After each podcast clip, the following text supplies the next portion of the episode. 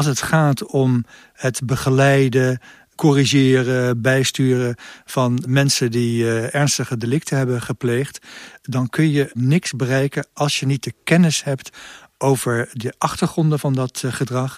Als je de kennis niet hebt van wat er nodig is om je vorm van begeleiden, interveneren, behandelen ook daadwerkelijk gedegen in te vullen.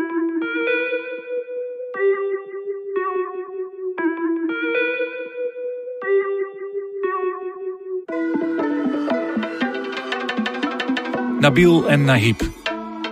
Twee broers van Afghaanse komaf. Gevlucht voor de Taliban komen ze op jonge leeftijd aan in Nederland. Om hier uiteindelijk allebei een andere kant op te gaan. Nahib, de oudste van de twee, werkt zich op tot hulpverlener met een HBO-diploma. Nabil besluit, na één mislukt baantje, dat er andere manieren zijn om aan geld te komen.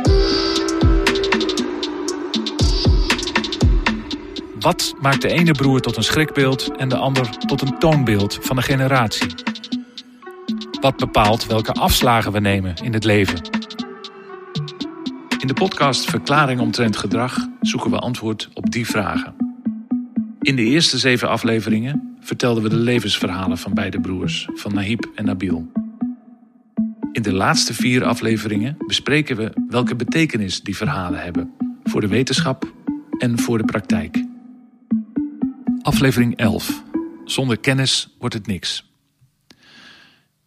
In deze elfde, en dat is meteen ook de laatste aflevering van deze podcast, bespreken we wat er gedaan kan worden om crimineel gedrag te beëindigen en recidive te voorkomen. En dat doen we met Peter van der Laan. Je bent bijzonder hoogleraar reclassering en je bent directeur van het Nederlands Studiecentrum Criminaliteit en Rechtshandhaving. Welkom. Naast jou zit Lieke van Domburg. Jij werkt bij Plurijn als directeur kwaliteit van zorg en innovatie. En je bent onderzoeker op de afdeling kinder- en jeugdpsychiatrie aan het Amsterdam UMC. Ook aan tafel Jacqueline Bosker, lector werken in justitieel kader aan de Hogeschool Utrecht. Welkom alle drie. Lieke, om te beginnen bij jou.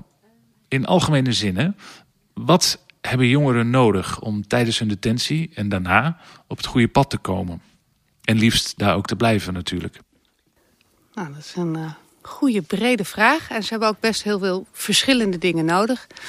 Wat je ten eerste nodig hebt is de motivatie of het gevoel dat het zin heeft dat je uh, op het goede pad blijft en gaat komen. Als je niet oppast in, uh, in ons soort in een gevangenis of in een jeugdgevangenis ben je vooral bezig met jongeren te vertellen wat ze allemaal niet meer mogen doen. Terwijl dat ja, je wilt natuurlijk uiteindelijk ergens heen naar wat ze dan wat dan wel? En waarom zou dat nou betekenisvol zijn? Dus volgens mij is dat ontzettend belangrijk. En dat geven jongeren ook wel aan en behandelaren ook. Het gaat heel erg over of je die klik kan vinden in die motivatie. En dan betekent ook, ben je in staat om die persoon echt te zien voor wie die is, met al zijn talenten en, uh, en zijn mogelijkheden. Wetende dat je ook wel echt wel in je hoofd moet hebben wat er ook aan risico mogelijk speelt. Dat is voor jongeren zelf handig. Maar het is sowieso echt wel slim om uh, ja, met elkaar heel breed te kijken. Wat zijn nou de dingen uh, die risicovol zijn. En waardoor jij ook misschien weer in de verleiding komt om uh, niet dat rechte pad op te gaan. En wat zijn de dingen waar je goed in bent, waar je voor gemotiveerd bent. En die jou de ja, toebrengen om uh, de goede kant op te gaan. En een deel daarvan, uh, van die risico's, uh, die, die, daar kunnen we ook in de behandeling nog wel wat aan doen. Hè? Dus je, misschien hoe je denkt of je heel erg impulsief bent, daar, daar kan je met elkaar ook nog wel aan werken. En een deel zijn volgens mij ook nou, je talenten en je handicaps waar je mee, mee hebt te dealen. Dus het is wat mij betreft echt wel een combi tussen weet je aan te sluiten, weet je die connectie te maken. Heb je dus ook mensen en dus professionals die die aansluiting ook kunnen maken. En heb je tegelijkertijd ook wel uh, een best heel brede blik over op uh, dingen die goed gaan en de dingen die minder uh, goed gaan. En wat betekent dat dan voor de werkpraktijk bij Plurijn? Nou, zeker voor jongeren die wat langer bij ons in de JI verblijven. Dan heb je vaak ook best een heel, heel dossier al wat er meekomt. We doen veel risicotaxatie. Dus we kijken uh, wat zijn de risico's en wat zijn ook de veranderbare uh, factoren erin. We hebben de laatste tijd ook steeds meer aandacht juist voor, uh, ook voor beschermende factoren en voor de dingen die, ja, die jou motiveren. Dus je ziet wel dat waar we een paar jaar geleden vooral richting die risicotaxatie gingen, dat je steeds meer ook wel ja, weer aan het leren bent. En denk, nou, het gaat ook over juist over de dingen die goed gaan, of die je talenten zijn en die we kunnen uitbouwen. En het gaat over die motivatie. Wat, wat is voor jou betekenisvol? Kun je misschien concrete voorbeelden noemen van jongens, zijn het veel, denk ik, um, hoe ze kunnen reageren op die benadering? Wat wij zien is dat zij zijn vaak opgegroeid uh, op plekken waar ze ontzettend gericht zijn op mogelijke dreiging en op uh, uh, aanvallen en op dat soort dingen. Ze zijn ook heel erg gericht in de zwakte vinden in een ander, een deel van deze jongeren. Dat betekent dat als je bijvoorbeeld medewerkers dus uh, in dienst hebt... of professionals die daar nog wat minder goed zelf mee om kunnen gaan... Nou, dan weten deze jongens binnen de kortste keren... weten ze de boel op stel te zetten... en jou precies op jouw zwakke plek te laten hè, te duwen. En wat we niet meer willen is dat je dan heel erg in wat wij noemen regime gaat zitten. Dus heel erg gaat zitten op zo zijn de regels, deur op slot hierheen. Maar dat je eigenlijk jezelf steeds beter leert kennen en toch in die verbinding kan komen. En dan zie je dat jongens dat een tijdje denken... Uh, nou, dat is net als kinderen begrenzen. Dan gaan ze eerst een tijdje denken, nou, tandje erbij. Want dan, hè, dan, dan, wordt het misschien, uh, dan ga, krijg ik weer controle. En dat je ziet juist doordat, zeker de jongeren die er wat langer zitten... dat, je, dat op een gegeven moment ook wel voelen, ja, ik zit hier nog wel even. En die ander die is bezig met die verbinding met mij te leggen. En dat je dan ziet dat dat langzaam ontstaat.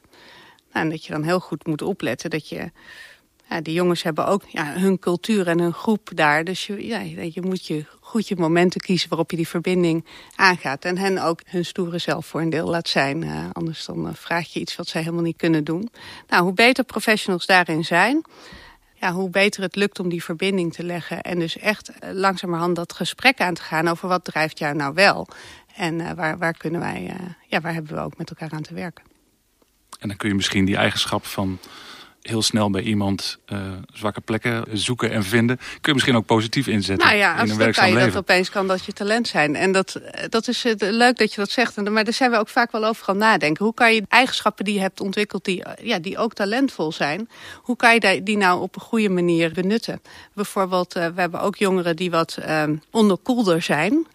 Dat noemen wij soms ja, een minder emotioneel en kunnen dus berekenender zijn. Dat kan heel links zijn. Het kan ook een vaardigheid zijn. Als je in de luchtverkeerstoren van Schiphol werkt... dan moet je ook heel cool en berekenend uh, kunnen, heel goede beslissingen kunnen nemen. Nou, zo zijn wij wel op zoek naar uh, hoe kan je dat inderdaad anders, anders inzetten. Kijk even naar de anderen aan tafel. Hoe kijken jullie hiernaar? Jacqueline Bosker? Nou, wat ik wel belangrijk vind is, je stelt de vraag wat kunnen wij doen om deze jongens te helpen. En dat is natuurlijk een ontzettend belangrijke vraag als je professional bent in dit veld.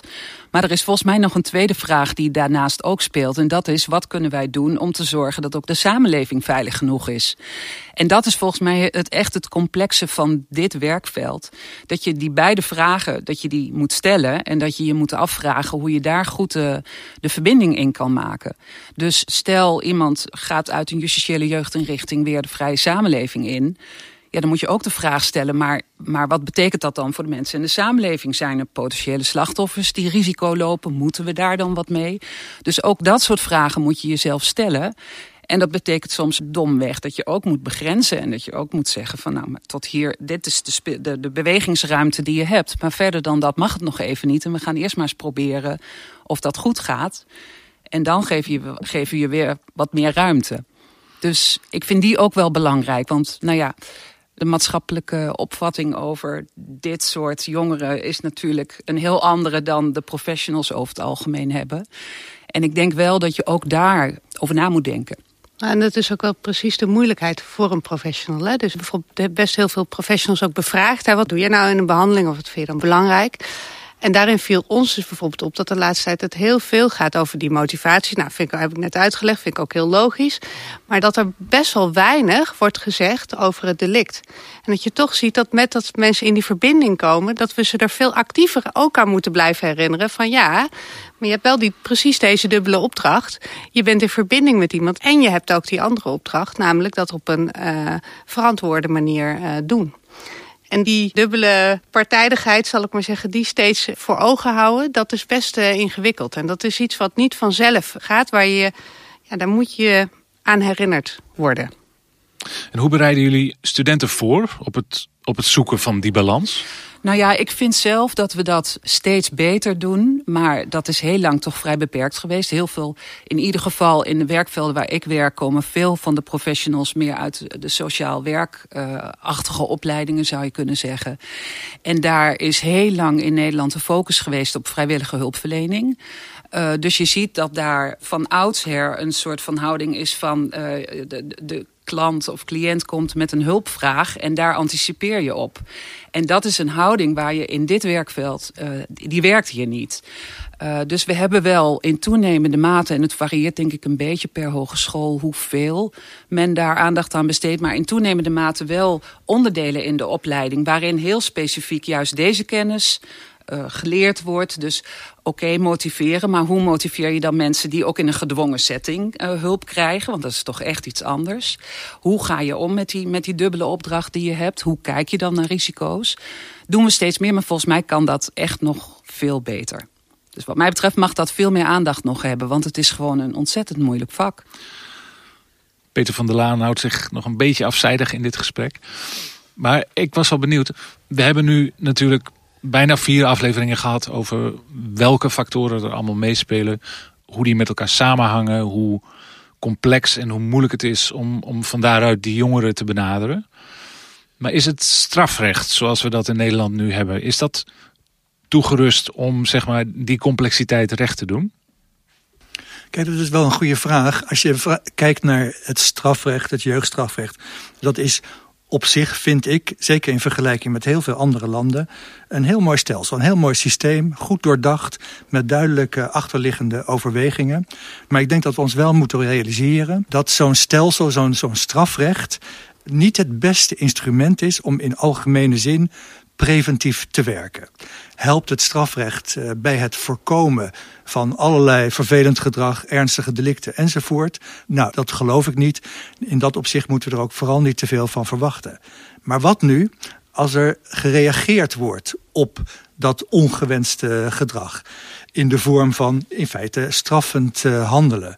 Dan eh, in bepaalde opzichten hebben we ons al meteen op achterstand gezet. Want als je zou denken, zeker tegen de, achtergrond hè, van de verhalen van deze twee uh, jongens, dan uh, moeten we uh, vaststellen dat het stelsel redelijk goed werkt, althans dat hopen we, om tijdig te achterhalen van wat er in dat specifieke geval zou moeten gebeuren. Maar de middelen, de straffen die voorhanden zijn, die zijn op zichzelf niet meteen uh, het best mogelijk inzetbare middel. Denk aan detentie, hè, dat is toch de ruggengraat van ons uh, systeem. En ik stel hier niet ter discussie of je wel of niet uh, moet detineren. Maar detentie als zodanig is niet het middel waarvan je kunt verwachten dat dat de zaak gaat bijsturen als zodanig. Om herhaling te voorkomen. Om herhaling te voorkomen. Dus daarmee zetten we ons op achterstand. Tenzij en dat gebeurt natuurlijk volop, uh, we detentie gebruiken om iets anders te doen. Namelijk begeleiden en behandelen, toeleiden tot weet ik wat allemaal, bijsturen, corrigeren enzovoort enzovoort. Maar dat zit als zodanig niet in die straf. Dus we zijn afhankelijk van wat er op dat moment wordt ingezet door de instellingen en de professionals die daarmee uh, aan het werk zijn als dat zo is, hè, als we dat vinden, dat dat onlosmakelijk verbonden moet zijn aan dat strafrecht, aan dat jeugdstrafrecht, dan ben ik redelijk uh, optimistisch. Maar dat is wel heel erg uh, belangrijk. Wat daar ook bij belangrijk is, is dat er wel heel vaak als er zo'n behandeling wordt ingezet, als er begeleiding wordt ingezet, dat de doelen daarvan niet zo heel erg expliciet zijn. En dat het niet voor iedereen, en zeker niet voor de betrokkenen om wie het gaat, duidelijk is wat er uiteindelijk bereikt moet worden. En Lieke gaf aan, motivatie is ontzettend belangrijk. Dat wil ik graag uh, geloven. Maar bij bewerkstelligen van motivatie hoort volgens mij ook dat er ook helderheid is over die doelen. Wat er bereikt moet worden. Ook al liggen die misschien nog heel ver weg in, in de toekomst. Dus uh, begeleiding is belangrijk. Detentie, kaal, Nee, dat zal het niet worden. Maar mag ik je daar even onderbreken? Ja? Want dat verbaast me bijna. Maar zijn er nu in Nederland, hebben wij jeugddetentieinstellingen... waarin dat eigenlijk niet of nauwelijks gebeurt? Kijk, nou ja, ik, ik wou bijna zeggen dat het lijkt me een soort uh, gewetensvraag. Maar zo uh, zie ik het eigenlijk niet. Iedereen die op de een of andere manier betrokken is bij die voorzieningen, daar werkt, die zal zeggen: nee, dat is voor ons heel erg belangrijk. Is het niet zo dat in Nederland het jeugdstraf heel erg sterk, nou, noem het maar ouderwets, pedagogisch georiënteerd is, dus gericht op die behandeling? Ja, dat is zeker zo. Maar als je heel kritisch gaat kijken, dan uh, moet je je de vraag stellen... maar in hoeverre is nou die behandeling, die begeleiding die we aanbieden...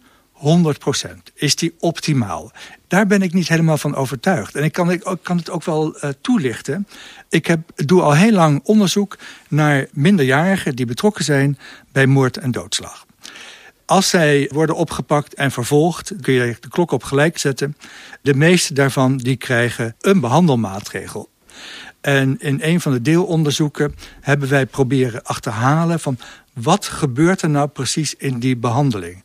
Wordt er specifiek aandacht geschonken, aparte behandelmodules ontwikkeld om om te gaan met het feit dat er een levensdelict is gepleegd... en dat we misschien enig inzicht hebben in het hoe en waarom van het plegen van dat delict. En dan, wie schetst mijn verbazing, dat in veel gevallen het delict als zodanig tijdens die behandeling, tijdens dat traject, niet aan de orde komt. Niet besproken wordt. Het delict is dus wel de aanleiding voor die maatregel, maar daarna volgt er een vorm van behandeling... waarbij in ieder geval de oppervlakkige buitenstaanders zoals ik... niet het verschil zie in de behandeling die geboden wordt... aan uh, die jongeren die een levensdelict hebben gepleegd... in vergelijking met jongeren die weet ik wat voor ander ernstig uh, delict hebben gepleegd. Maar dat, ik... dat vind ik opmerkelijk, want dat roept bij mij de vraag op... als wij denken te weten wat een rol heeft gespeeld in termen van risicofactoren, criminogene factoren, you name it hoe kan het dan dat in die behandeling... dat er als het ware een, een soort standaard behandeling uit kan volgen... waar die achterliggende factoren niet zo expliciet uh, worden benoemd? En hoe kan het dat we een lang traject van behandeling inzetten... waarbij feitelijk de tijd besteed aan die behandeling betrekkelijk gering is? Ja, in het geval van Nabil was de reflectie op wat hij had gedaan er natuurlijk wel. Maar ik begrijp uit je verhaal dat dat niet de norm is. Is het dan puur een soort capaciteitsprobleem in instellingen? Om, om die intensieve begeleiding wel te kunnen bieden? Ongetwijfeld heeft het ook te maken met capaciteit en faciliteiten en met uh, geld. Maar het heeft ook te maken met dat we iets hebben ontwikkeld, al heel lang geleden, wat absoluut ingegeven is door ouderwetse strafdoelen, vergelding. En tegelijkertijd, zeker als het om jongere mensen gaat... dat we ook zoiets denken, ja, maar er moet toch meer zijn. Hè? En kunnen we ze wel volledig uh, verantwoordelijk houden voor hun uh, gedrag? En zouden we niet aandacht moeten hebben van hoe we dat op die manier nog als het ware een beetje kunnen ondersteunen? Dat botst een beetje met elkaar. En als ik zeg dat ik niet helemaal overtuigd ben van de optimale werking van het systeem, is dat niet zozeer een verwijt aan het systeem en de mensen die daarin werken. Maar het is een heel ingewikkeld iets. Want kijk, we vinden het onacceptabel dat er hele ernstige delicten worden gepleegd. Daar is ook niet zoveel mis mee. En ik vind er eerlijk gezegd ook niet zoveel mis mee dat we daarop reageren. Dus dat we de vinger op de zere plek leggen. Als we maar wel daaraan koppelen uh, dat we meer moeten doen. Bijvoorbeeld omdat we denken, omdat ze jong zijn... nou, wie weet is, zijn hier wel kansen en mogelijkheden. En daar worden we in feite wel uh, een beetje in het gelijk gesteld. Want als je kijkt naar uh, de, de, de levenslopen van heel veel van die aanvankelijk jongeren... maar trouwens ook voor volwassenen over de langere termijn dat gaat wel vaak heel erg goed. En misschien ook wel dankzij het feit dat we bereid zijn om ze toch een kans te geven. En ik ben er absoluut van overtuigd. Doordat, door het feit dat we veel meer weten tegenwoordig over allerlei achtergronden van allerlei probleemgedrag, deviant gedrag, crimineel gedrag, dat we daardoor ook veel beter in staat zijn om uh, precies bij die dingen aan te knopen waarbij ondersteuning en begeleiding helpt. Omdat, en we spreken niet voor niks in termen van risicofactoren, om dan die risico's op de langere termijn in ieder geval te doen afnemen. Dus in dat opzicht ben ik waanzinnig optimistisch, want we weten veel meer en we kunnen dus ook veel meer. En nu zou je alleen wensen, laten we nog even het stelsel zodanig als het ware doorontwikkelen en de faciliteiten geven dat die professionals wel die tijd hebben om daar individueel aandacht te besteden aan die behandeling en die uh, begeleiding. Dus er moet nog wel wat meer gebeuren. Is dat iets waar wij in onze samenleving, zeker in tijden dat er ook wel wordt geroepen over, om orde en gezag, of daar ruimte voor is? En ook op dat vlak ben ik absoluut zeer uh, optimistisch. Omdat Toch wel, ik, ja? Ja, omdat ik zie veel te veel uh, onderzoek waarbij als het echt uh, het puntje bij het paaltje komt, mensen gaan redeneren van wat wordt bijvoorbeeld het slachtoffer er beter van? Wat worden wij als samenleving er beter van als we op een bepaalde manier reageren? En dan zie je dat er ontzettend veel begrip is voor uh, werken met jonge mensen in een bepaalde richting. En als daar iets voor nodig is, nou, dan moet dat er maar uh, komen. En dat is behoorlijk samenlevingsbreed. Dus laten we ons vooral niet uh, afleiden door allerlei uh, roepen van... nou ja, straffen. Die geluiden zijn er natuurlijk wel. Maar laten we vooral niet denken dat dat heel erg breed gedeeld wordt. Nee. Jacqueline Bosker, wat, wat is jouw kijk hierop? Zie je ruimte voor verbetering? Nou, ja, ik, ik zie zeker nog ruimte. Want ik, ik ben het erg met Peter eens over dat we het in Nederland helemaal niet zo slecht getroffen hebben qua stelsel. Het kan veel slechter.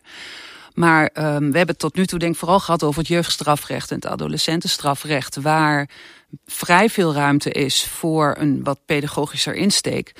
Maar als uh, jongeren 18 worden, uh, worden ze ook heel vaak veroordeeld voor uh, volwassenenstrafrecht. En daar zie ik echt flink verbetermogelijkheden. Want in Nederland kennen we bijvoorbeeld ontzettend vaak veel heel korte gevangenisstraffen ja, dan kun je eigenlijk bijna niks. En dat, dat, uh, die worden ook opgelegd aan mensen waar van alles mee aan de hand is. En als je goed naar ze kijkt, zou je zeggen van ja, maar we willen eigenlijk heel veel kunnen doen. En je ziet dat daar wel stappen in worden gezet. Er wordt bijvoorbeeld door het gevangeniswezen in toenemende mate met gemeenten samengewerkt en gekeken van kunnen dan gemeenten uh, ook in, in de begeleiding en in de hulpverlening uh, dingen overnemen. Maar je ziet dat die toch vooral heel erg insteken op praktische problemen. Hè? Dus een inkomen hebben, een huis hebben, wat hartstikke belangrijk is. Maar voor een hele grote groep helemaal niet genoeg. Uh, daar moet je ook naar gedrag kijken. En daar zijn die gemeenten over het algemeen, ja, ligt daar veel minder expertise. En wat je ook ziet is dat de reclassering probeert om daar om een beetje in dat gat te springen, maar daar tegelijkertijd eigenlijk amper de middelen voor heeft. En binnen de detentie zijn er eigenlijk ook relatief weinig mogelijkheden om echt met iemand aan het werk te gaan. Dus ik zie daar echt uh, mogelijkheden nog voor flink verbetering. En in ieder geval, uh, nou ja, in plaats van die hele korte gevangenisstraffen, veel meer dan een straf opleggen in de vorm van reclasseringstoezicht, wat langer kan duren en waarin je veel meer mogelijkheden hebt om echt aan het werk te gaan met iemand. Lieke van Domburg, vanuit jouw ervaringen bij Plurijn, kan jij zeggen waar je ruimte voor verbetering ziet? Nou, we hebben ook heel veel jongeren met een lichtverstandelijke beperking en ook jongvolwassenen die heel erg hebben geleerd om dat niet te laten zien. Dus die zijn heel streetwise, die praten op een manier waardoor je niet denkt, nou die heeft een beperking. Dus dat, dat vraagt echt nog wel wat kennis en kunde om, daar, uh, om dat te doorzien. Terwijl dat een van de redenen waarom zij dan dat gedrag blijven herhalen en ook heel vaak door anderen worden ingezet eigenlijk, zit hem wel in die overschatting. En daardoor iedere keer in schuldenproblematiek terechtkomen ja, dat zou zo'n kans bieden als je daar als uh, ja, wat integraler naar kan kijken. En ook inderdaad met het sociaal domein in zo'n gemeente. Wij doen de laatste tijd best wel veel systeemgericht werken. Dus met ouders van de jongeren die bij ons zitten. Maar met dat die jongeren ouder worden, ook met de kinderen. Want ze zijn ook best regelmatig alweer zelf vader. Als je dan over motivatie hebt, ja, dat gezin is vaak echt wel een hele belangrijke bron die ook heel positief kan zijn. In waarom wil ik eigenlijk, wat wil ik eigenlijk voor, voor mij en mijn omgeving? En ja, ik wil niet dat mijn moeder zich schaamt of ik wil dat mijn kind fijn opgroeit. Dat zijn vaak hele, hele belangrijke punten. En als je daar de verbinding op, op weet te leggen. Ouders kunnen op ouderavonden komen, ze kunnen meekomen koken. Ze kunnen proberen dat op een andere manier uh, vorm te geven. Nou, dat zien we in het volwassen detentie nauwelijks. Mensen weten eigenlijk heel vaak niet eens uh, hoe dat gezin eruit ziet. Dat is zo jammer. Er ligt nog wel een kans. Over kansen gesproken. We hebben in de zevende aflevering, in het verhaal van Nabil, natuurlijk gehoord hoeveel moeite hij heeft om de draad weer op te pakken. Nu die weliswaar buiten staat, maar hij kan de eerste vijf jaar niet de opleiding gaan doen die hij graag zou willen doen. Niet het werk in die richting. En dat zit hem in hoe het nu georganiseerd is rondom die verklaring omtrent gedrag. Waar hij vijf jaar op moet wachten. Kan dat anders? Moeten we daar iets mee? Ja, kijk, de vraag of het anders kan dan uh, hoe het nu geregeld is, vind ik lastig te beantwoorden. Mij valt wel op dat uh, doordat al een tijdje terug uh, die, die problematiek rond de VOG is aangekaart, dat er een zekere souplesse wordt uh, betracht. het idee dat je nooit een VOG kunt krijgen als je met justitie in aanraking bent uh, gekomen. Dat wordt een beetje genuanceerd. Dus hoewel het grotendeels gebeurt op basis van uh, big data... zijn er mogelijkheden om te zeggen... ja, je krijgt die VOG wel. Maar op zich is het natuurlijk een problematiek van, van je welste. Mede naar aanleiding van die discussie over die VOG... is het denk ik wel interessant dat nu het volwassen gevangeniswezen besloten heeft dat de directeur van een inrichting een zogeheten BGG, beschrijving van goed gedrag, kan meegeven. Dat ook al krijgt iemand zijn VOG niet, dat hij toch kan laten zien met die BGG dat de detentie op een bepaalde manier is doorgebracht en dat er allemaal cursussen enzovoort uh, zijn gevolgd om duidelijk te kunnen maken aan die potentiële werkgever dat ze te maken hebben met iemand die wel wat wil, motivatie, en die ook wel wat, wat kan. Dus uh, nou goed, dat gebeurt op kleine schaal. Het alternatief uh, in de niet-detentiesfeer is dat uh, de reclassering bereid kan zijn om te laten zien van wat er allemaal gebeurd is. Dat neemt die, die, die nadelen van het niet krijgen van een VOG niet helemaal weg. Maar het, het verzacht het als het ware iets. Maar goed, dit is in de volwassenensector. En je zou kunnen kijken van... moeten we niet voor de minderjarigen of voor de jongvolwassenen... Uh, naar ook een wat soepeler systeem? Of is daar misschien ook zoiets wel uh, een interessant... nou niet een alternatief, maar een interessant extra om mee te geven? Zo'n BGG. Zo'n BGG, ja. ja. Tot slot, de vier laatste afleveringen van deze podcast... die gingen over de manier waarop we in Nederland de kennis delen die er is over het gedrag van jonge delinquenten, eh, de begeleiding en de behandeling die ze nodig hebben. En hoe we die kennis laten aansluiten bij de beroepspraktijk. Wie wilde nog iets zeggen over het belang van die kennisoverdracht en het delen van die kennis? Um, Peter van der Laan kijk, in, in ons vakgebied wordt ontzettend veel gesproken over what works en de uh, werkzame factoren. Uh, dat wordt soms een beetje, naar mijn idee, ten onrechte beperkt tot risico en criminogene factoren enzovoort enzovoort. Maar één werkzame factor of riskbeginsel die mij altijd ontzettend heeft aangesproken, is die van professionaliteit. En professionaliteit die zegt dat mensen die werken in, deze, in dit domein in ieder geval professioneel moeten zijn. Dat wil zeggen, goed opgeleid uh, moeten zijn. Dat ze ook een goede manier ondervinden van supervisie en uh, intervisie. En dat zij als het ware getoetst worden op hun kennis van achtergronden en mogelijkheden.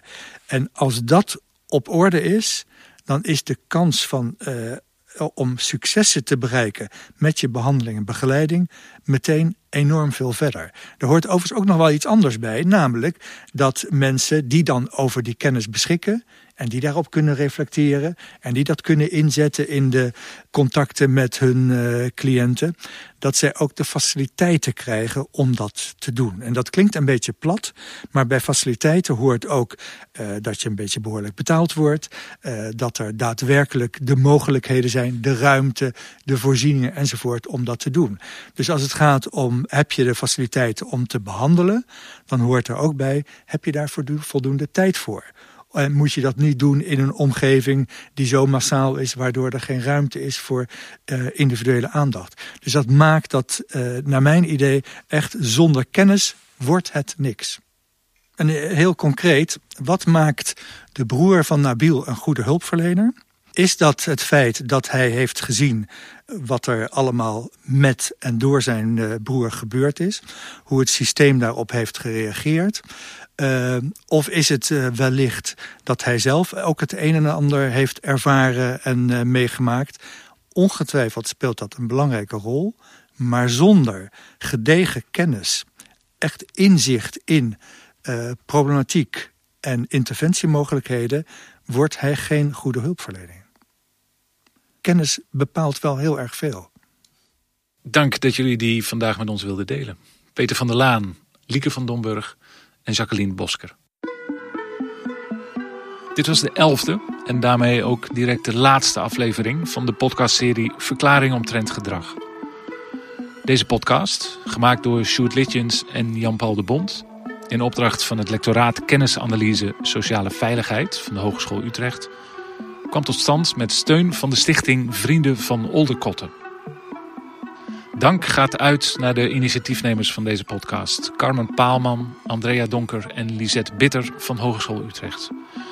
En uiteraard naar de forensische experts die hun kennis ruimhartig deelden. Dat zijn Peter van der Laan, Lieke van Domburg, Jacqueline Bosker, Arne Popma, Violaine Veen, Jenneke van Spaandonk, Sanne Hillige, Monika Smit en Ilse Zielman.